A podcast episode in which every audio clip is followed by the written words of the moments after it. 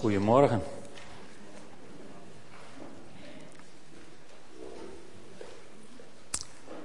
Ik wil vanmorgen graag met jullie lezen een stukje uit Hosea.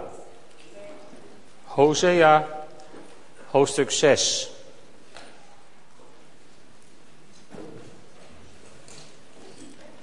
Het boek Hosea is genoemd naar de profeet Hosea.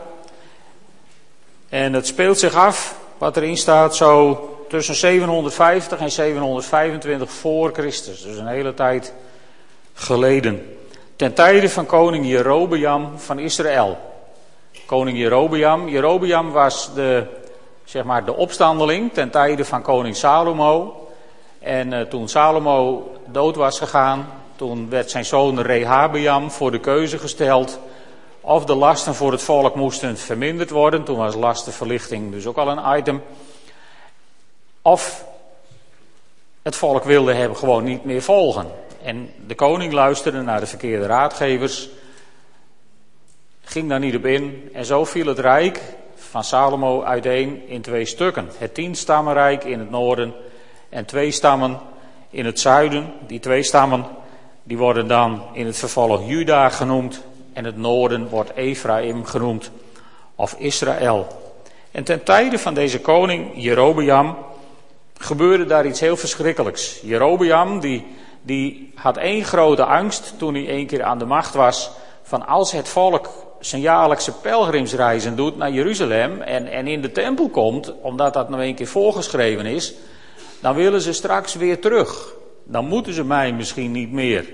En uit, uit angst gedreven, dan zie je wat er gebeurt als je je door angst laat drijven. Door angst gedreven bouwt koning Jerobeam twee heiligdommen. En daar zet hij twee gouden kalveren neer die het volk moet aanbidden, zodat ze niet meer naar Jeruzalem hoeven.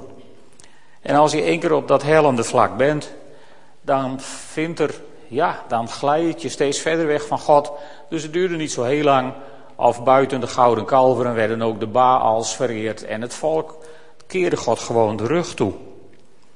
En dan stuurt God Jerobeam om het volk te wijzen aan te spreken op zijn ontrouw, zijn overspelige houding. En, en om, om te laten zien hoe erg het is, moet Jerobeam met een prostituee trouwen. Hosea, neem me niet kwalijk.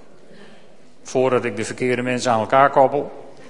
Hosea, die moest met een prostituee trouwen en kinderen krijgen waarvan hij zich voortdurend moest afvragen, zijn ze van mij of zijn ze van een andere klant. Dus lastig. Het zal je als profeet maar door God gezegd worden. Hè? Profeet is niet altijd een leuke baan. Nou, en, en daar zijn we nu. En God blijft van Israël houden, ondanks de ontrouw. En ergens in het boek Hosea, daar komen we dan een, uh, een boetelied tegen. Een boetelied wat ze zingen voor God. Alleen God heeft daar niet zo'n hoge pet van op.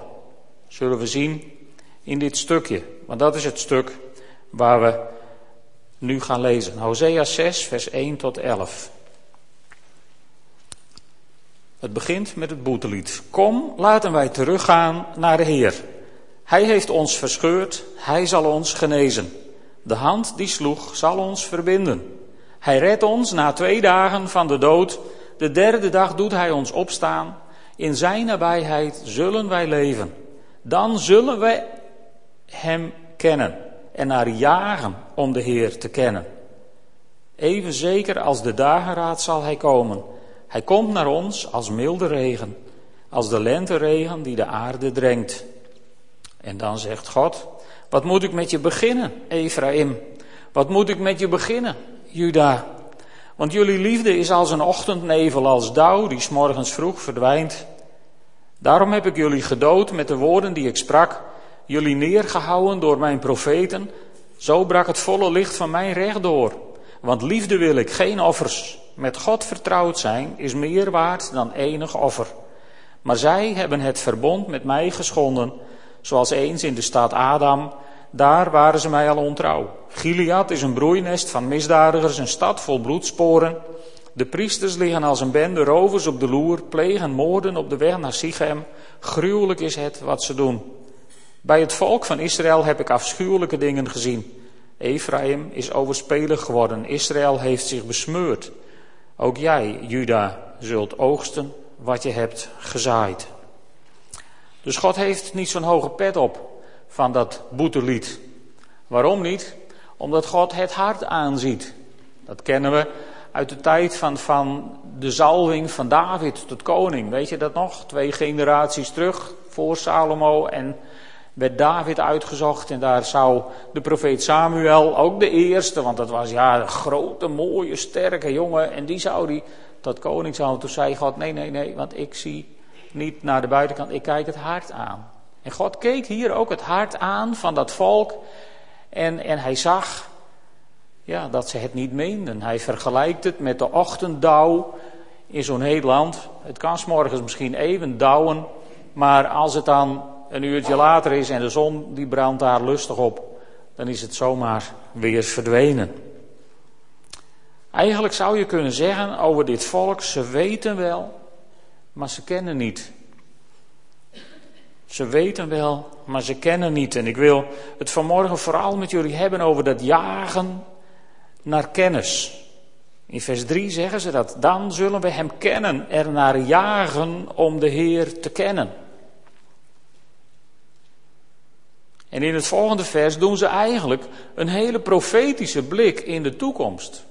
Heel merkwaardig vers, daar zomaar tussen. Na twee dagen, hij redt ons, na twee dagen van de dood, op de derde dag doet hij ons opstaan. Als je dat leest, dan moet je dat ergens aan doen denken. Als christen van het Nieuwe Testament, na Pasen, moet, dat, uh, er een belletje gaan rinkelen, zou ik zeggen, bij zo'n vers. Het kijkt vooruit naar de opstanding van Christus, die op de derde dag opstond en, en, en daarna in de nabijheid van God mocht gaan leven. Maar ja, dan zeg je misschien dat gaat over Christus. Alleen dan neem ik jullie heel even mee, even uitstapje, naar Romeinen 6, vers 8. Een heel bekend vers. Wanneer wij met Christus zijn gestorven, geloven we dat wij ook met Hem zullen leven. Dit vers schakelt ons eigenlijk in, in wat hier staat. Want Christus is gestorven. En op de derde dag is Hij opgestaan. En wij zijn, als we ons leven aan de Heer Jezus hebben gegeven, zijn we, als we gedoopt zijn, in de doop met Hem begraven. Maar eigenlijk zijn we in onze bekering al met Hem gestorven. En als wij met Hem gestorven zijn, mogen we geloven dat we ook met Hem zijn opgestaan. En met Hem dus mogen leven in de nabijheid van God. Een mooi vers. In Zijn nabijheid zullen wij leven. Vraag is dan alleen, doen we dat ook? Ervaren we dat ook elke dag? Of zeggen van nou nee, dat is eigenlijk gereserveerd voor de zondag. Als we bij elkaar zijn en de liedjes zijn goed genoeg en de tuning is fijn genoeg, ja dan hebben we dat even. Maar dat staat er niet. Het gaat erover dat we met Hem zullen leven. En leven doe je gewoon 7 keer 24 uur in de week. Maar leven wij dan met Christus? Dat is een interessante vraag, waarschijnlijk voor ons allemaal, om eens over na te denken. Maar wanneer we met Hem zijn gestorven, geloven we dat we met Hem zullen leven, zegt Romeinen 6, vers 8. Geloven we dat ook? Paulus die zegt het wel mooi, maar is het ook zo? Geloven we? Geloven we? Een belangrijke vraag. Want als we met Hem zijn opgestaan, dan zijn we opnieuw geboren. En, en, en dan zullen we met Hem leven. Maar sterker nog, als wedergeboren mensen zullen we God kennen. Zullen we God kennen. We zullen niet langer tevreden zijn met de status quo, maar er naar jagen om Hem nog beter te leren kennen. Dat is dan het derde vers, eigenlijk het, het sleutelvers bijna dan zullen we Hem kennen. We zullen er naar jagen om de Heer te kennen. Met andere woorden, je mag best jagen naar meer. Want is het leven niet een voortdurende zoektocht naar meer van God in je leven? Is een mensenleven niet een voortdurende voortdurende zoektocht om, om meer en meer op Hem te gaan lijken. Ik wil meer en meer gaan lijken op Jezus. Hebben we gezongen. Meer en meer. Dus met andere woorden, niet een eenmalige gebeurtenis, maar een levenslang proces van toegroeien naar het lijken op Jezus Christus. Een levenslang proces. Dat gaat alleen werken als je er één keer mee bent begonnen, natuurlijk. Maar daarna is het leven een voortdurende zoektocht naar gemeenschap met God. En dat is wat volgens mij het kennen in deze context ook betekent. Want weet je, God is niet uit op onze godsdienstigheid. God is ook niet uit op fraaie rituelen, al hoe mooi ze misschien kunnen zijn. God is ook niet uit op theologie, al hoe waardevol het misschien kan zijn. Maar van de week zag ik iemand op de televisie met droge ogen verkondigen. Iemand die toch flink theologie heeft gestudeerd. Ik weet niet of u het programma hebt gezien, God in de lage landen. En, en, en, en daar zei eh, de beroemde dominee uit Zeeland. Je hoeft niet in God te geloven om gelovig te zijn. Daar moet je veel theologie voor studeren volgens mij, om dat met droge ogen te kunnen zeggen. Dan heb je heel veel kennis. Maar ken je dan, dwars door al je kennis heen, ken je dan Jezus wel? Ken je dan de Vader? Als je dat zo, zo over je lippen kunt krijgen. God is dus ook niet uit op onze theologie, maar op onze liefde. God is uit op, op uw intimiteit. Heb je dat wel eens gerealiseerd? God is uit op uw intimiteit. In vers 6, daar zegt hij het heel expliciet. Want liefde wil ik geen offers. Met God vertrouwd zijn is meer waard dan enig offer. Het staat hier mooi. Met God vertrouwd zijn, dat heeft te maken met het kennen van God. En, en wat we daarin zaaien, ja, dat zullen we ook oogsten. Ik denk als je gelooft dat je zonder God kunt, zul je later zonder God moeten. En dan ben je te laat. Het leven is een zoektocht naar God. En kunnen wij dan gemeenschap hebben met God? Is het mogelijk dat een mens uit de gevallen schepping gemeenschap kan hebben met de Vader in de hemel? Ja, want wij zijn niet meer alleen mensen die leven in de gevallen schepping. Wij zijn ook mensen, wedergeboren, die leven in de tijd, de nieuwtestamentische tijd. Na de verlossing, na het kruis van Golgotha. In die tijd leven wij. En sinds die tijd is het antwoord ja. Paulus die schrijft daarover in 2 Korinthe 3, vers 6. Daar zegt hij, zegt hij het heel mooi. Hij, God dus, heeft ons geschikt gemaakt om het nieuwe verbond te dienen. Als ik je nog een keer, nog een keer moet je even goed luisteren wat, hoe mooi het er staat.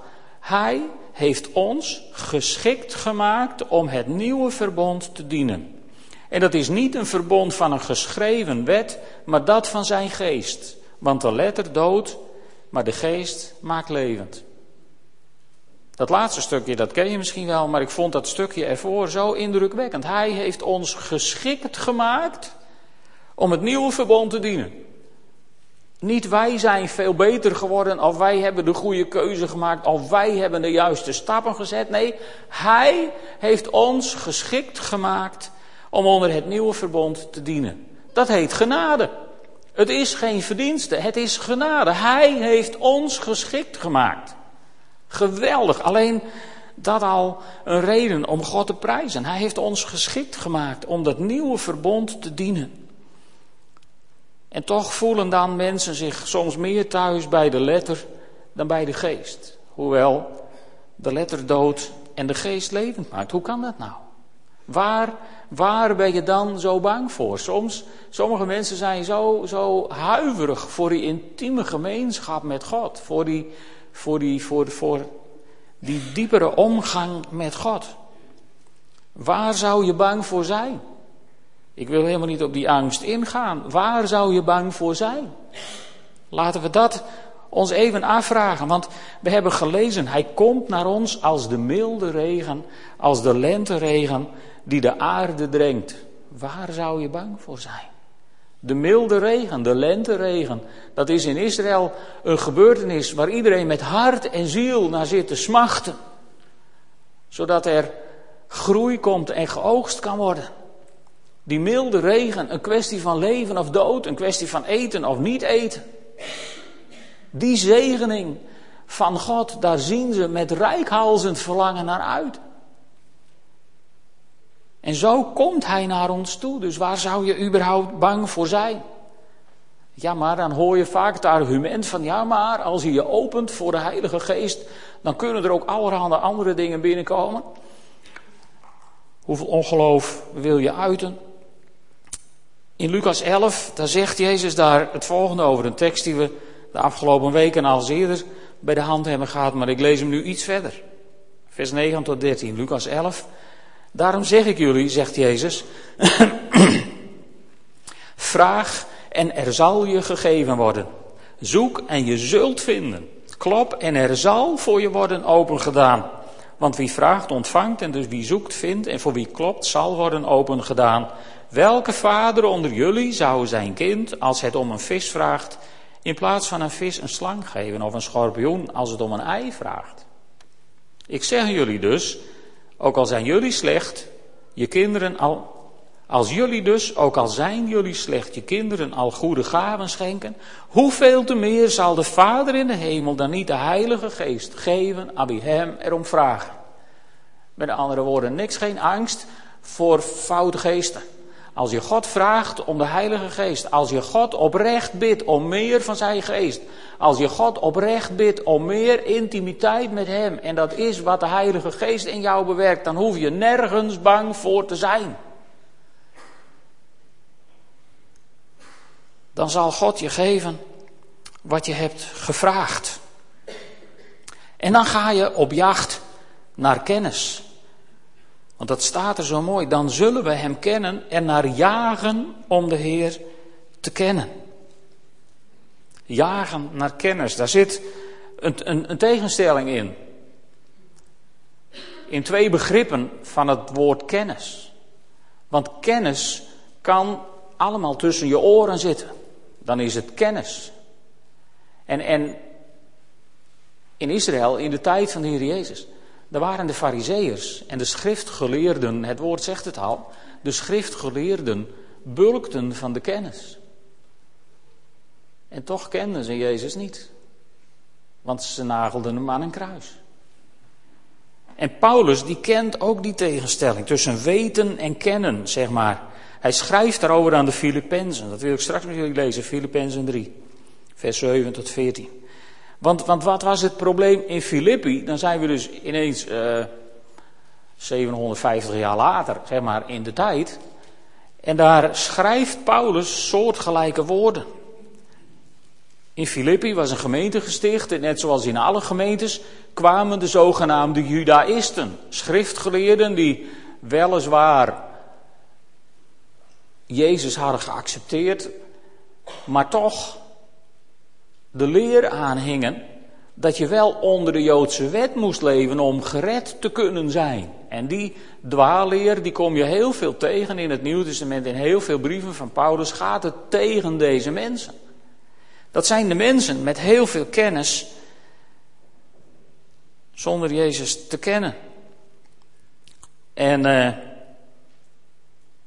daar gaat Paulus tegenin.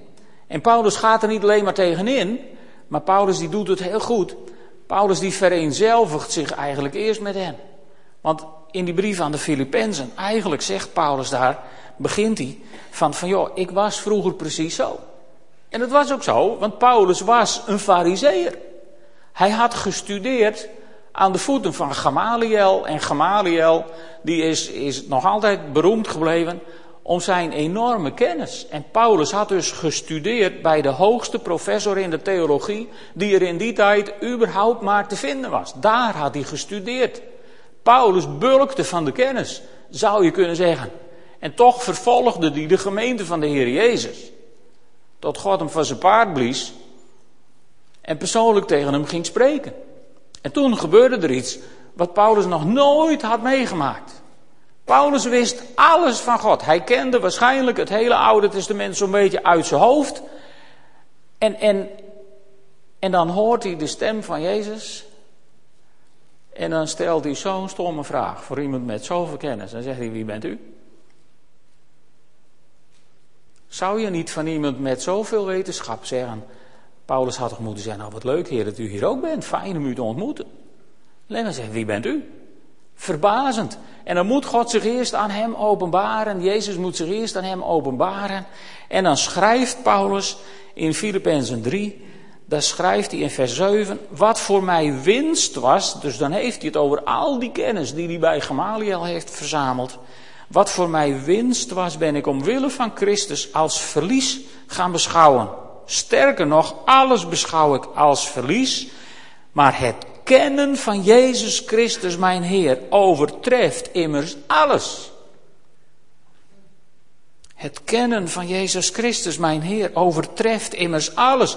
Omwille van Hem, zegt hij, heb ik alles prijsgegeven. Ik heb alles als afval weggegooid. Ik wil de Christus winnen. En dan denken wij, ja, Paulus heeft alles weggedaan. En dan, misschien denk je daarbij te gauw aan aardse bezittingen. En volgens mij heeft Paulus het daar niet over. Want in zijn tijd als fariseer was hij ook al zo'n soort rondreizend evangelist. Toen hij de christenen vervolgde en zo en altijd op reis was. En, en bovendien, toen hij in Jeruzalem studeerde, honderden kilometers van zijn ouderlijk huis in Tarsus. Toen had hij ook alles al weggedaan, aards gezien. Volgens mij bedoelt Paulus hier op zijn geestelijke ballast die hij weg heeft gedaan, die hij als verlies heeft beschouwd. En, en hij maakt het nog, nog bonter, want dan zegt hij, omwille van hem heb ik alles prijsgegeven. Ik heb alles als afval weggegooid, want ik wil de Christus winnen. Ik wil de Christus winnen. Paulus is het grootste voorbeeld in de Bijbel dat je met alle kennis van de wereld Christus niet kunt kennen. En als je dat wegdoet, Christus wel kunt kennen. Ik heb het als afval weggegooid, zegt Paulus. Want ik wil de Christus winnen en één met hem zijn. Niet door mijn eigen rechtvaardigheid, omdat ik de wet naleef, maar door die van God. De rechtvaardigheid die er is door het geloof in Christus. Want wat gebeurt er door het geloof in Christus? Dan word je geschikt gemaakt om het nieuwe verbond te dienen. Dat is het werk wat Christus in je doet. Niet ik. Niemand van ons kan zich daarop beroemen. Nee, wij zijn door God geschikt gemaakt om onder dat nieuwe verbond te dienen.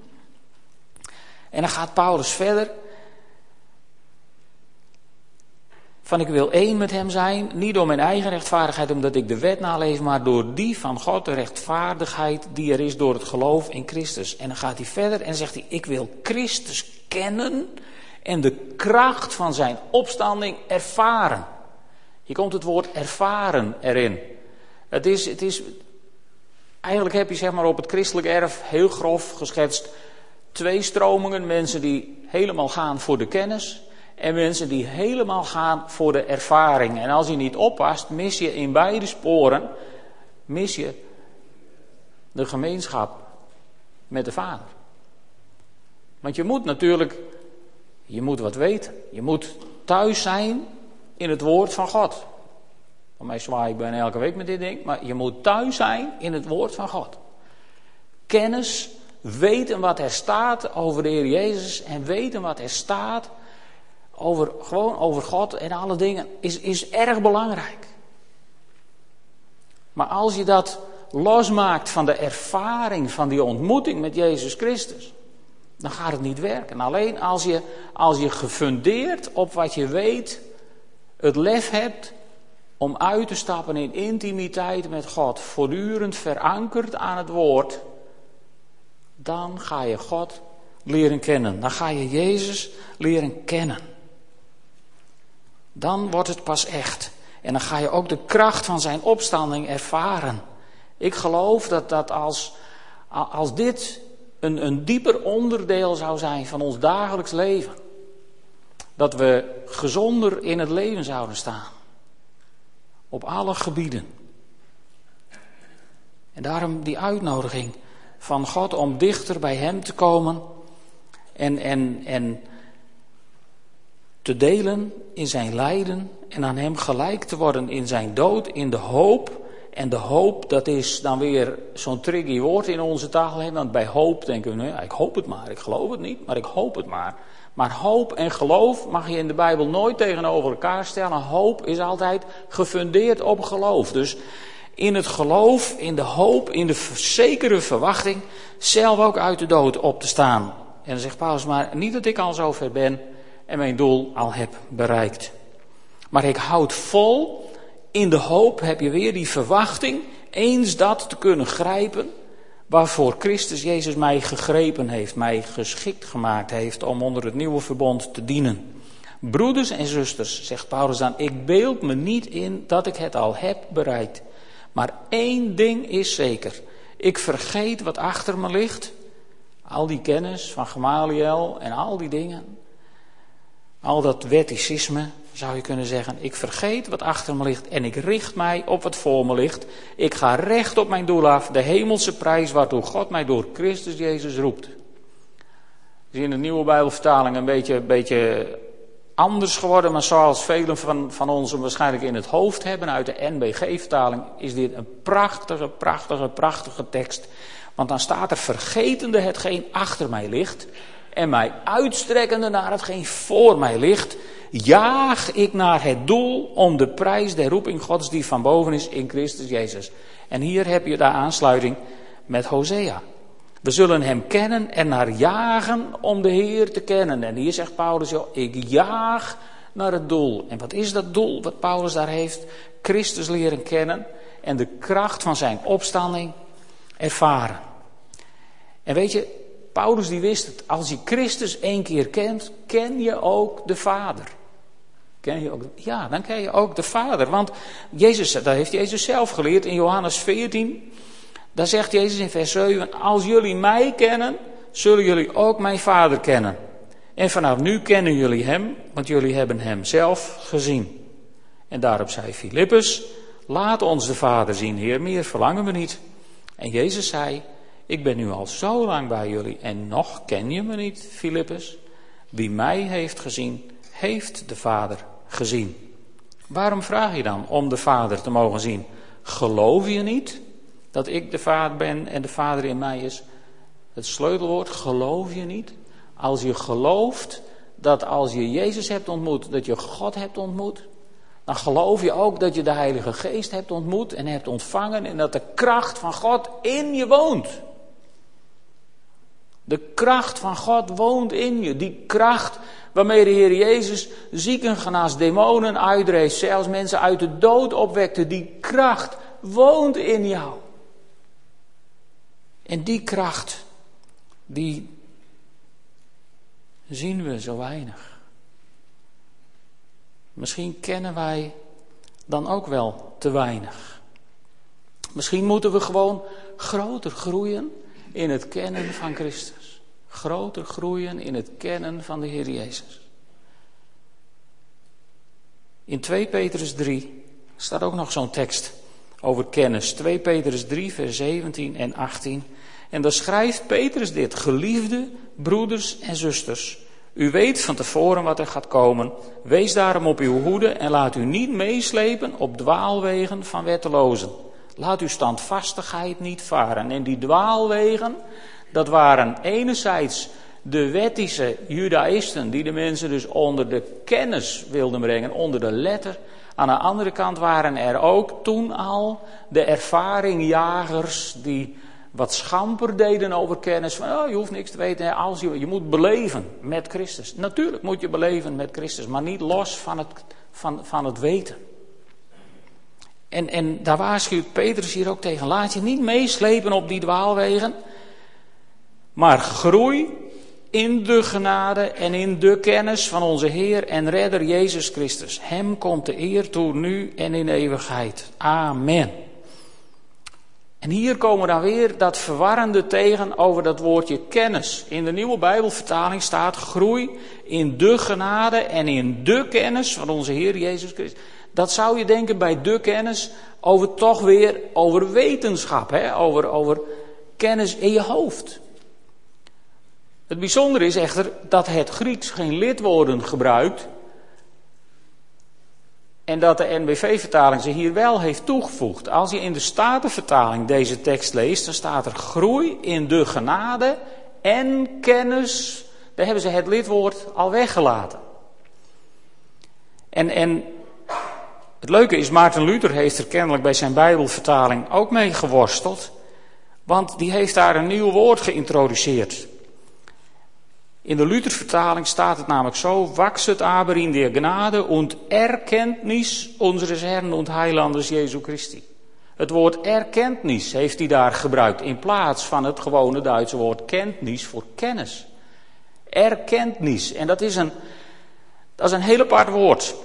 Als je dat, uh, als je dat opzoekt in de encyclopedie, dan, uh, ja, dan zijn dit de twee belangrijkste conclusies. Er bestaat geen eenduidige betekenis van het woord erkentenis. Nou, dat helpt als je wat zoekt. Maar dan staat er een mooie zin onder en die wil ik jullie niet onthouden. Het woord erkentenis, het Duitse woord wat Luther hier dus gebruikt, dat is bij benadering is het het resultaat van een proces. Want het gaat dan over kennis die je verwerft door inzicht of ervaring. Leuk hè? Weten, wat je weten, wat je, wat je verwerft door te beleven. Dat is eigenlijk het woord erkentenis. Het woord wat Luther ervoor gebruikt. En ik denk dat het boek, de vertaling, het boek misschien ook heel leuk weergeeft waar het om gaat. Want in het boek staat het zo omschreven: U moet in plaats daarvan geestelijk groeien en onze Heere en Redder Jezus Christus beter leren kennen. Beter leren kennen. Laten we daar tot slot nog heel even bij stilstaan. Hoe leer je iemand beter kennen? Hoe leer je iemand beter kennen? Nou, door een goed boek over hem te lezen. Ja, vast. Geertje en ik zijn 40 jaar geleden anders begonnen. Ik, ik, zie nu ook leuke jonge stellen die verkering hebben. Dat is allemaal heel mooi om allemaal te zien. Maar hoe leer je elkaar nou beter kennen? Hebben jullie goede boeken over elkaar gelezen? Die zijn nog niet geschreven misschien. Hoe leer je elkaar nou beter kennen? Nou, door met elkaar om te gaan. Door verkering te hebben, leer je elkaar beter kennen. Geertje en ik zijn daar dit jaar 40 jaar geleden aan begonnen. En we hebben nog niet alles uitgevonden, volgens mij.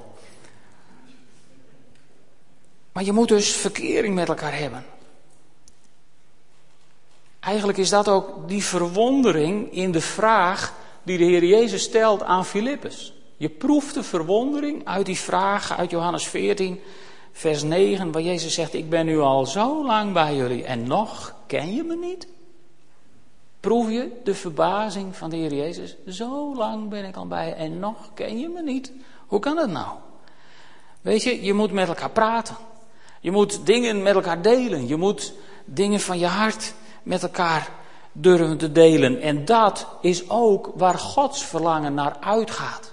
Dat je de dingen van je hart met Hem durft te delen. Daar wil God met je naartoe. En, en dan, dan ga je veel over elkaar leren. En dan is er dus helemaal geen tegenstelling tussen kennis en kennen. Want als je elkaar beter leert kennen, neemt je kennis over elkaar gewoon toe. Dat groeit daardoor. Het gaat er dus niet om of je, of je beperkt tot kennen en weten. Het gaat erom hoe je aan die kennis komt. En als je die kennis vergaart uit de dode letter, zal het dode kennis zijn. Dan zul je oogsten wat je zaait. Maar als je je kennis over de Heer Jezus, je kennis over de Vader, verzamelt uit, uit de intieme omgang met Hem. En in die intieme omgang met Hem, daar hoort ook absoluut het lezen in zijn woord bij. Als dat de bron is van waaruit je je kennis verzamelt, zul je ook zaaien, ook oogsten wat je zaait, namelijk leven. Weet je, God schiep Adam en Eva om gemeenschap met hen te hebben. En toen dat misging, toen koos hij Abraham, hij riep hem uit Urdel, Galdeën, om voor zichzelf een volk apart te zetten, om gemeenschap mee te hebben. En toen het allemaal op niets uitliep, stuurde God zijn zoon om gemeenschap met ons mogelijk te maken. Hij heeft ons geschikt gemaakt. Weet je nog? En nu zijn wij gevraagd om op die uitnodiging in te gaan. Om intieme gemeenschap met Hem te hebben. En laat je niet tegenhouden, lieve vrienden. Er is niets om bang voor te zijn. Niets, kijk maar even naar het hart van God. Daar staat, Hij komt naar ons als milde regen. Als de lenteregen die de aarde drenkt. Waar zou je bang voor zijn? Want het gaat in Hosea gaat het nog verder. Het gaat in Hosea voortdurend over afval en over, over het oordeel wat dat meebrengt. Maar in hoofdstuk 11, dan laat God even iets van zijn hart zien. Dan zegt God over dat onwillige volk Israël, zacht leidde ik hen bij de teugels. Aan koorden van liefde trok ik hen met me mee. Dat is God. Koorden van liefde. En dan, dan een paar versen verder in vers 8. Daar zegt God, zou ik, hoe zou ik je kunnen uitleveren, Israël? Vers 8. Ach Ephraim, hoe zou ik je ooit kunnen prijsgeven? Hoe zou ik je kunnen uitleveren, Israël? Zou ik je prijsgeven als Atma, je laten ondergaan als Seboim? Mijn hart wordt verscheurd. Door barmhartigheid word ik bewogen. Ik zal mijn toorn laten varen en Ephraim niet opnieuw te gronden richten. Want God ben ik en geen mens. Ik ben in jullie midden en ik ben heilig. Ik zal niet meer in woede ontsteken. Dat beloofde hij aan dit dwarse, afvallige volk. En dat belooft hij in Christus Jezus. Na Golgotha aan jou en aan mij. En tegen jou en mij zegt hij: Mijn hart wordt verscheurd door barmhartigheid, word ik bewogen. Weet je, zo kijkt mijn God naar deze wereld. Door barmhartigheid word ik bewogen. Durf je zo ook naar de wereld te kijken? Weet je hoe intiemer je wordt met de Vader, hoe dichter je komt bij zijn hart, hoe meer je zo naar de wereld gaat kijken. God houdt van jou. God houdt van alle mensen om je heen, in je omgeving. Ook van al die mensen die God nog niet kennen en die misschien leven tegen alles in wat God verboden heeft. God houdt van ze. En de vraag is, zijn wij bewogen genoeg om voor ze te bidden? Om voor hen het zout van de wereld of het licht van de wereld te zijn? Zijn we bewogen genoeg? Kennen we genoeg van het hart van de Vader? Amen. Zullen we gaan staan en samen bidden?